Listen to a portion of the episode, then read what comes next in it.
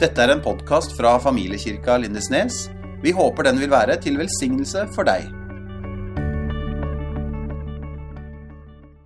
Det er ikke så lenge siden vi feira påske. Og påskehøytida er viktig for oss som Jesu etterfølgere. Det hender jo for egen del at Kvikk Lunsj og appelsiner og skitur med kakao og niste tar litt overhånd.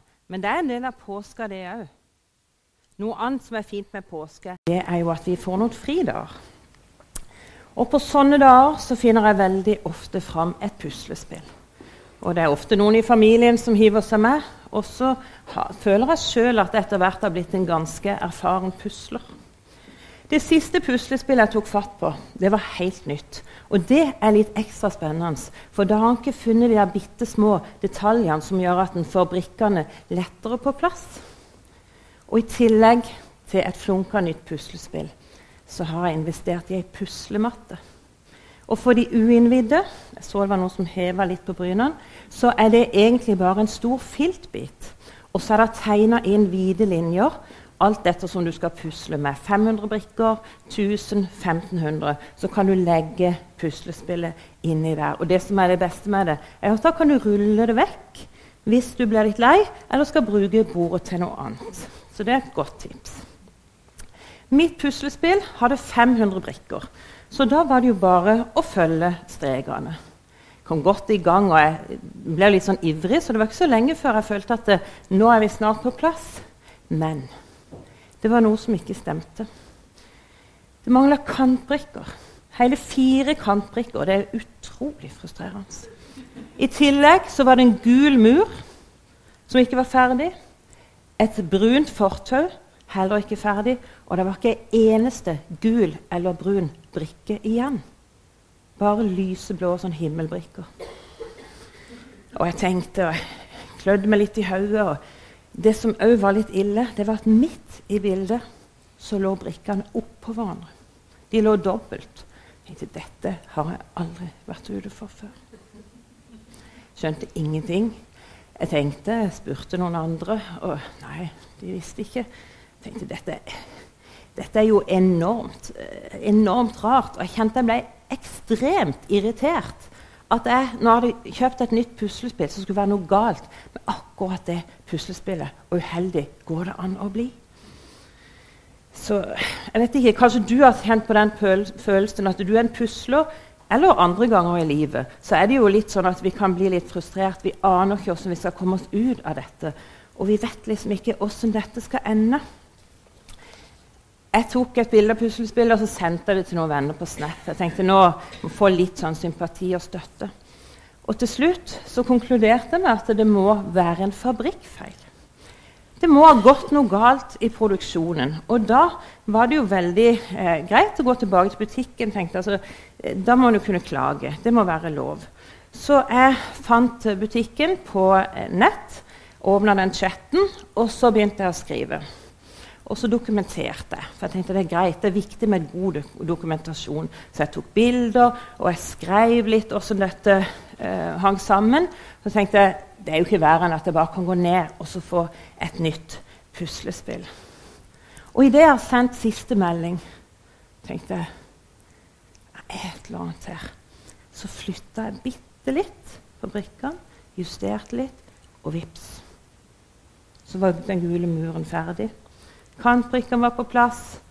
Brune fortauet mangla fremdeles de lysblå brikkene, men det var jo opp til meg å legge. Og da kjente jeg dette, dette var flaut. Én ting var de der Snap-vennene. De, de, vet jo åssen jeg er. Men, men, det er jo den bokhandelen i Lyngdal da, som jeg hadde involvert i dette. Og da kjente jeg at jeg angra som en hund på at jeg hadde sendt hele seks bilder for å dokumentere. Og det eneste jeg hadde klart å dokumentere, var jo min egen utilstrekkelighet som pusler. Og jeg hadde jo passa på å få med i den klagen at jeg var en erfaren pusler. Så da var det bare å legge seg flat. Og jeg kjenner jo det godt i disse tider at vi slipper å gå så mye i butikker. Så jeg tenker de har kanskje glemt det neste gang jeg kommer inn. Hvis ikke de har brukt historien til noe annet, sånn som jeg har gjort. Fordi og her kommer forklaringa, eller unnskyldninga, vil jeg kanskje kalle det. Det skar seg, og det var pga. puslematta. For ramma som var tegna opp til det bildet som skulle inni, den passa ikke på målene. Jeg forholdt meg det vide til de vide linjene, og jeg glemte på en måte litt innholdet. Jeg tenkte jo at det kan ikke være feil. Det er jo ei ramme her. Jeg stolte på den ramma som var trukket opp for meg og bildet mitt. Og kanskje er det sånn av og til i livet at ramme og innhold ikke passer sammen. Kanskje tegnes det opp for store rammer for oss, eller for små. Det blir feil mål.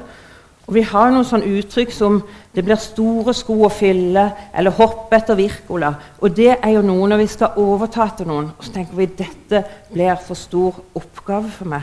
Standarden er satt, og kanskje tror vi at vi må være like gode som de som gikk før oss. Så tenker jeg kanskje er det lurt når vi jobber med det store bildet, med livet vårt, med virkeligheten, at vi sjekker ut rammene først. Er de sånn de burde være? Hvem lar du sette ramme for ditt liv? Kanskje har du lagd deg egen ramme ut fra det du tenker er bra? Eller hvem hører du på? Hvem lar du definere livet ditt? Jeg tror det er lurt å stoppe opp og gjøre seg noen tanker om det.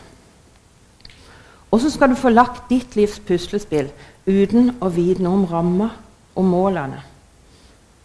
Å få på plass kantbrikkene når jeg pusler, det er det første jeg gjør. Og da vet jeg på en måte hva jeg har å forholde meg til. Jeg må ikke si at jeg drikker, for det er podkast. Bare gjør det i all hemmelighet. Kanskje Dere har hørt om Peter. Sant? Det er en person som går igjen i påskefortellinga. Han er sterkt til stede i historien, og en vi lett kan identifisere oss med. Peter, som i starten av sitt liv het Simon og var fisker. Da Jesus kalte han til seg, så slapp han alt han hadde i hendene, og ble en del av disiplene, av etterfølgerne etter Jesus, og faktisk en av de nærmeste. Og I Matteus i kapittel 16 fra vers 13 og utover så kan vi lese at Jesus en gang spurte disiplene hvem sier folk at menneskesønnen er? Og det viktigste, han spurte disiplene hvem sier dere at jeg er? Og Simon, som han hette da, han sa, 'Du er Messias, den levende Guds sønn.' Og Jesus svarte, 'Salig er du.' Og dette er det min far i himmelen som har gjort kjent for deg. Fra nå av er du Peter, og på denne klippet vil jeg bygge min menighet. For Peter betyr jo nemlig klippe. Og så sier Jesus til ham, du skal få nøklene til himmelens rike. Og det er ikke til hvem som helst vi vanligvis deler ut nøklene til hjemmet vårt. Peter, klippen, han som menigheten skal bygges på, han med nøkler til himmelen. Og for de av oss som har lest litt andre historier om han, Peter, han som vakler, han som svikter, han som løy, han som trakk seg unna og kjente på skammen når han svikta når det virkelig gjaldt. Peter, menneske-Peter, full av motsetninger, just som de fleste av oss andre. Når Jesus forteller disiplene at han må dra til Jerusalem, og at han skal lide og dø og stå opp igjen tredje dag, da grep Peter inn. Dette kunne ikke han finne seg. Han tok Jesus til side og sa han, 'Gud, fri deg, Herre. Dette må aldri skje deg.' Peter han ante jo ikke rekkevidden av det som skulle skje. Og åssen kunne han vel egentlig det? Og når Jesus svarer, så er han ganske tydelig og krass. 'Vik fra meg, Satan', sier han. Og Jesus snakker til djevelen, men det er jo likevel Peter som står der. sant? Og det må ha vært veldig spesielt å bli prata sånn til av vennen din, av han som du følger, han som du henger sammen med. Men Peter han visste ikke hva han satte seg opp mot, nemlig Guds frelsesplan. Og Gud setter han på plass, for han kan ikke la noe hindre at planen hans ble gjennomført. Og til tross for Jesus sine skarpe ord til det Peter sa, så fortsatte de å være veldig tett på hverandre. Peter han fant seg i det, han tok poenget, og Jesus tålte det. Han er raus, og han visste jo at Peter han så stykkevis og delt, mens han sjøl virkelig visste hva dette dreide seg om, hva som sto på spill. Og Peters intensjon er jo bare god. Han ville jo gjøre det han kunne for vennen sin forhindre at Jesus skulle pines og dø. Han var jo Jesu etterfølger. Og hvis Jesus forsvant, hvem skulle han da følge etter? Han brydde seg om Jesus, men han klarte likevel ikke å si de rette tingene og oppføre seg som det ble forventa, og stå opp for han som han hadde gitt alt for å følge. Jeg har tenkt på at kanskje ramma rundt Peters liv ikke samsvarte helt med innholdet. Kanskje hadde han egne tanker om hva det ville si å være en Jesu etterfølger. Og så var det kanskje andre rundt han som òg var med på å legge føringer for hvordan Peter skulle oppføre seg, hvordan hans liv burde se ut. Kanskje han følte et press på hva som ble forventa ham. Jeg vet ikke. Det er bare mine tanker. Og Så skriver Matteus i kapittel 26 og vers 33 at Jesus sier um, Eller prater med Peter, og så sier Peter om alle andre vender seg bort fra deg, så kommer jeg aldri til å gjøre det. Og så følger Jesus opp med Sannelig sier jeg det, i natt før hanen galer skal du fornekte meg tre ganger. Ikke én gang, det er jo lett å gå feil én gang og så hente seg inn igjen. Ikke to ganger. Gå på ei blemme til, men ok, så er vi på rett kurs. Men tre ganger sier Jesus at Peter skulle nekte for at han kjente ham. Peter han kjører på. 'Om jeg så må dø med det', sier han, 'så vil jeg ikke fornekte det'. Han har klokketro på at 'dette fikser jeg. Jeg gir alt for deg, Jesus'. Så gikk det ikke helt som Peter tenkte. Han var plutselig på feil kurs. Det var ikke dette han hadde sett for seg. Han hadde lagd ei ramme for seg sjøl basert på egne forventninger, et stort hjerte og et ønske om å stille opp for Mesteren, for Jesus, som han så så veldig opp til. Og det kan jo hende at det sneik seg inn en helt sånn menneskelig tanke som at nå skal jeg vise både Jesus og de andre hva jeg duger til. At jeg er hel ved. Det sier heller ikke historien noe om. Men sånn menneskelig sett så hadde det ikke vært så rart. Og Det er kanskje ikke heller så rart at han begynner å fiske igjen etter at Jesus er død. Det var jo det han egentlig drev med, og kanskje det føltes kjent og trygt. Men Jesus ser. Han har ikke glemt Peter. Han oppsøker han, og sammen med de andre disiplene etter han sto opp igjen. Peter trengte å bli justert og tones inn på rett kurs igjen, og Jesus han ga aldri opp. Han ga ikke Peter navnet sitt, men feiltagelse. Peter vakla og var ustødig. Til, til tider var han jo langt fra ei klippe som det gikk an å bygge menighet på. Men Gud, han så lenger fram. Han så noe i Peter som kanskje ikke Peter så sjøl, og kanskje ikke de andre rundt ham heller.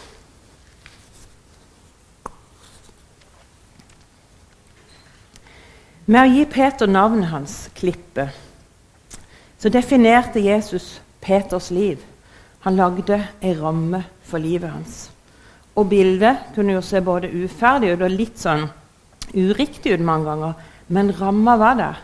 Målet var satt, og Gud så et potensial og tenkte at jeg lager ei ramme, og jeg vil hjelpe sånn at innholdet passer til den ramma. Jeg kjenner meg igjen i Peter, og det kan godt hende du òg kjenner på noen trekk. Det er ikke alltid jeg føler meg som en sånn bunnsolid etterfølger av Jesus. Men ønsket er der, og behovet er der. Jeg vil jo så gjerne leve sånn som Gud har sett det for seg. Og glede andre mennesker og glede Gud med mitt liv. Og så vakler jeg òg. Så blir jeg litt sløv, og så er jeg utrolig god til å komme eh, der at jeg jobber litt i egen kraft. Ikke sant? Dette klarer jeg. Og så kommer jeg til erkjennelse at eh, dette klarer du aldeles ikke. Og så må en ty til Gud igjen. En merker at en er fullstendig avhengig av han. Vi hørte i stad at Jesus spurte disiplene hvem sier dere at jeg er. Så tenkte vi kunne snu litt på det. Hvem sier Gud at vi er? Han sa at Peter var en klippe som han skulle bygge menigheten på. Men hva sier han om oss, da? Hvem er du for Gud? Hva sier Guds ord om hvem vi er? Og svaret på det er egentlig veldig, veldig mye. Bibelen er full av vers som sier noe om hvem vi er i Gud. Og Med fare for at det blir litt oppramsing, så har jeg lyst til å lese noen for deg. Og så trekker vi noen tråder etterpå hvis vi detter litt av. Hvis vi begynner i første Mosebok, kapittel 1, vers 27 og 31, så står det Og Gud skapte mennesket i sitt bilde, og Gud så at alt det han hadde gjort, det var overmåte godt. Efeserne kapittel 2 vers 10.: For vi er Hans verk, skapt i Jesus Kristus til gode gjerninger, som Gud på forhånd har lagt ferdige for at vi skal gå inn i dem. Johannes 1 vers 12.: Men alle som tok imot ham, dem ga han rett til å bli Guds barn, de som tror på hans navn. Johannes 15, 25. Jeg kaller deg ikke lenger tjenere, for tjeneren vet ikke hva Herren hans gjør. Jeg kaller deg venner, for jeg har gjort kjent for deg alt jeg har hørt av min far. Romerne 5,1. Da vi altså er rettferdige ved tro, har vi fred med Gud ved vår Herre Jesus Kristus. Kolossene 1,4. I ham er vi kjøpt fri og har fått tilgivelse for synderne. Efeserne 2,18. Gjennom ham har både vi og dere adgang til Far gjennom én ånd. Romerne 8,1.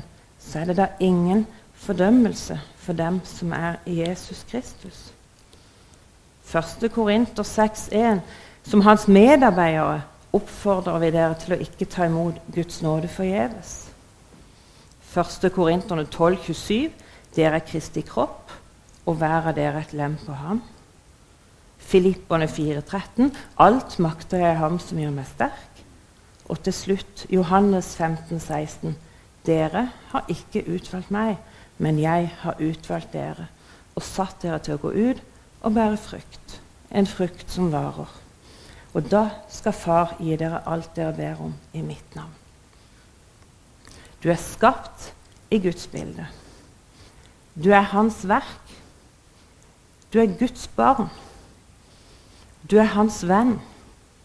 Du har fred. Du er tilgitt og frikjøpt.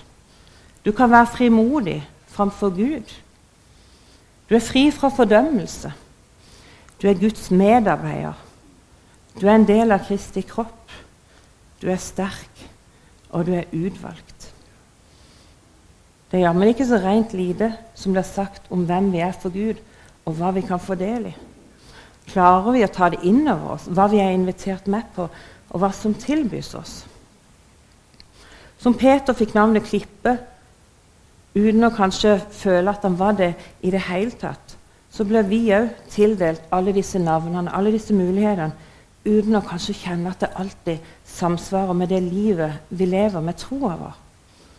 Og akkurat som Jesus ikke ga navnet Peter med en feil, så har ikke Gud gitt oss disse navnene heller med en feil. Gud sier noe om hvem vi er pga. Han, og det er jo ofte litt langt vekk fra det vi klarer å tenke om oss sjøl. For å komme tilbake til puslespillet, da. Gud setter en ramme for vårt liv, og han definerer hvem vi er ment å være i Han. Og da er det litt sånn Velger du å la han lage den ramma? Og med det utgangspunktet fylle på brikkene inni. Velger du å tro det Gud sier om det? Versene som vi ramsa opp, det er jo dessverre ikke noen sånn trylleformler. Det er jo ikke sånn at når vi hører dem som et knips, så tror vi det og kjenner det og tar det til oss. De må leses, de må tas inn, de må synke inn, og vi må gjøre det mer enn én gang. Og når vi tar dem imot i tro, da ble ordene levende og virkekraftige. Og det står det noe om i Hebreabrevet kapittel 4 vers 12. For Guds ord er levende og virksomt. Og nå er det jo sånn at Selv om vi velger å tro på Bibelen og Guds ord og tenker at det, det skal være ramma for mitt liv, så kan vi jo knote det til litt på veien. Om ikke, om ikke det mangler kantbrikker på mitt puslespill, så kunne jeg likevel strevd med å finne rett brikke til rett plass på selve bildet. Og sånn er det jo om livet vårt òg. Det er oppturer, det er nedturer, gode opplevelser. Så har vi noen skuffelser, noen avgjørelser som er vanskelige. Kanskje vi trår feil. Og så gjør det det litt komplisert innimellom. Men så, så er det av og til en kommer til en erkjennelse, en avgjørelse eller et bønnesvar som gjør at vi tenker nå er på rett vei. Nå er jeg i flyten. Nå er det bare å gå. Og Det er litt som i puslespill. Når alle de lyseblå brikkene er på plass, da kjenner jeg at Yes!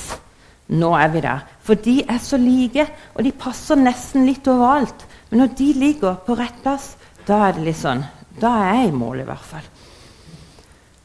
Og Jesus han døde for syndene våre.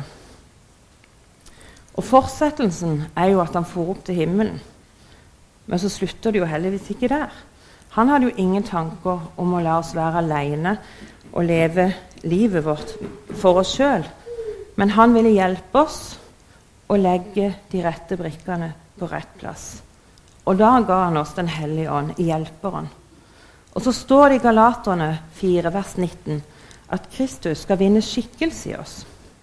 Og det handler jo om at Jesus, fra å vandre rundt på jorda, har tatt bolig inni oss i oss som tror og har tatt imot den.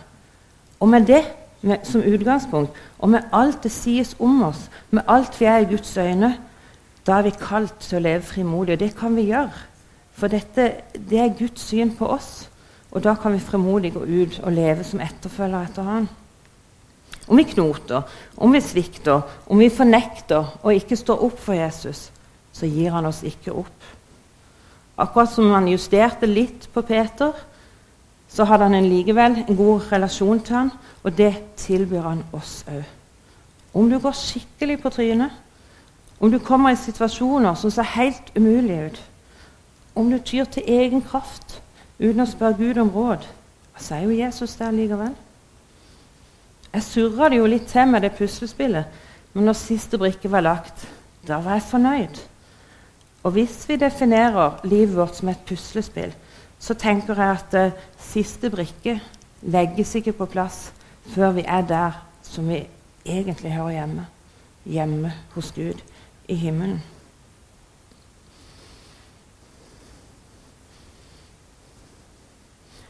Gud satte hele i gang. Og det står i Filipperbrevet, eh, kapittel 1 vers 6, og jeg er viss på at Han som begynte en god gjerning i dere, vil fullføre den inntil Jesu Kristi dag.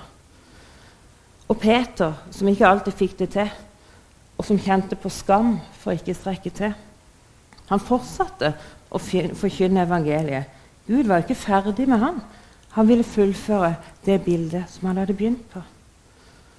Og I Bibelen så finner vi to brev som Peter er forfatter av, hvor han har hovedvekt bl.a. på det hvem Jesus er, og det å være en disippel i hverdagen. Så han tok jo med seg sine ting og levde videre for Jesus. Vi har vært inne på at Peter er sentral i påskefortellinga, men han dukker jo opp i pinsa òg. Han forkynte med frimodighet, og han var veldig sentral når de begynte med menighetsliv. Han var den første misjonæren som besøkte noen andre enn jøder. Og Det sies at Peter døde som martyr i ca. år 64. Samme Peter som vi hørte si før Jesu død. Om jeg så må dø med deg, så vil jeg ikke fornekte det. Han svikta kanskje da, men Gud svikta aldri Peter. Og Peter døde for det han trodde på, det han visste var rett. Så jeg tenker at jeg har lyst til å la meg inspirere av Peter og hans liv. Og så har jeg lyst til å holde fast på det Guds ord sier om meg. Og jeg ønsker at det er ramma for meg og for oss i menigheten. At det er ramma rundt livet vårt. Så resultatet til slutt blir det komplette bildet som det er ment å være. Kjære Jesus, jeg takker deg. Jeg takker deg for det at eh, andre har gått før oss. Vi kan lære noe av Jesus. Jeg takker deg for at vi kan legge vårt liv i dine hender, Jesus. Og du har så mye godt til oss. Og du ser på oss, Jesus, på en måte som ikke vi kan forstå. Vi strever med å få det til, Jesus, men vi er, vi er utvalgt. Og vi er fullkomne for det. Og det takker jeg deg for, Jesus. Og jeg takker deg for det at uh, du har begynt en gjerning i oss, Jesus, og du vil fullføre. Du vil hjelpe oss å få til det ferdige bildet, Jesus. Og så takker jeg deg for det at uh, vi som menighet kan stå sammen med hverandre, Jesus. Og hjelpe hverandre å legge brikkene på rett plass, Jesus. Jeg takker deg for det at ikke vi ikke trenger å jobbe med livet vårt alene. Du har lovt at du er med oss, Jesus, til siste slutt. Og vi vet at vi har gode folk rundt oss som kan hjelpe oss, Jesus. Jeg ber Jesus om at vi må se på hverandre med de øynene som du ser på oss, Jesus. At vi kan leve livet vårt, Jesus, sånn at vi er til glede for deg og for de rundt oss. Amen. Tusen takk for at du hørte på vår podkast. Følg oss gjerne på vår Facebook-side Familiekirka Lindesnes.